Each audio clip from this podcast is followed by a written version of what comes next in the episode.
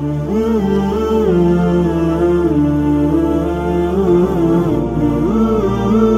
radiya falahu ridha wa man sakhita falahu suh. Siapa yang ridha sama keputusan Allah dia mendapatkan ridhonya. Siapa yang suka dan terima keputusan Allah, Allah pun murka padanya. Alhamdulillah. Jadikan hatinya ridho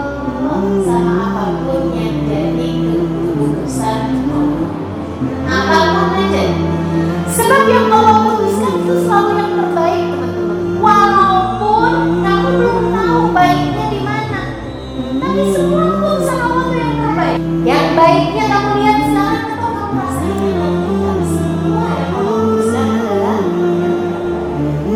Jadi jangan suka ngomel, jangan suka berkeluh kesah,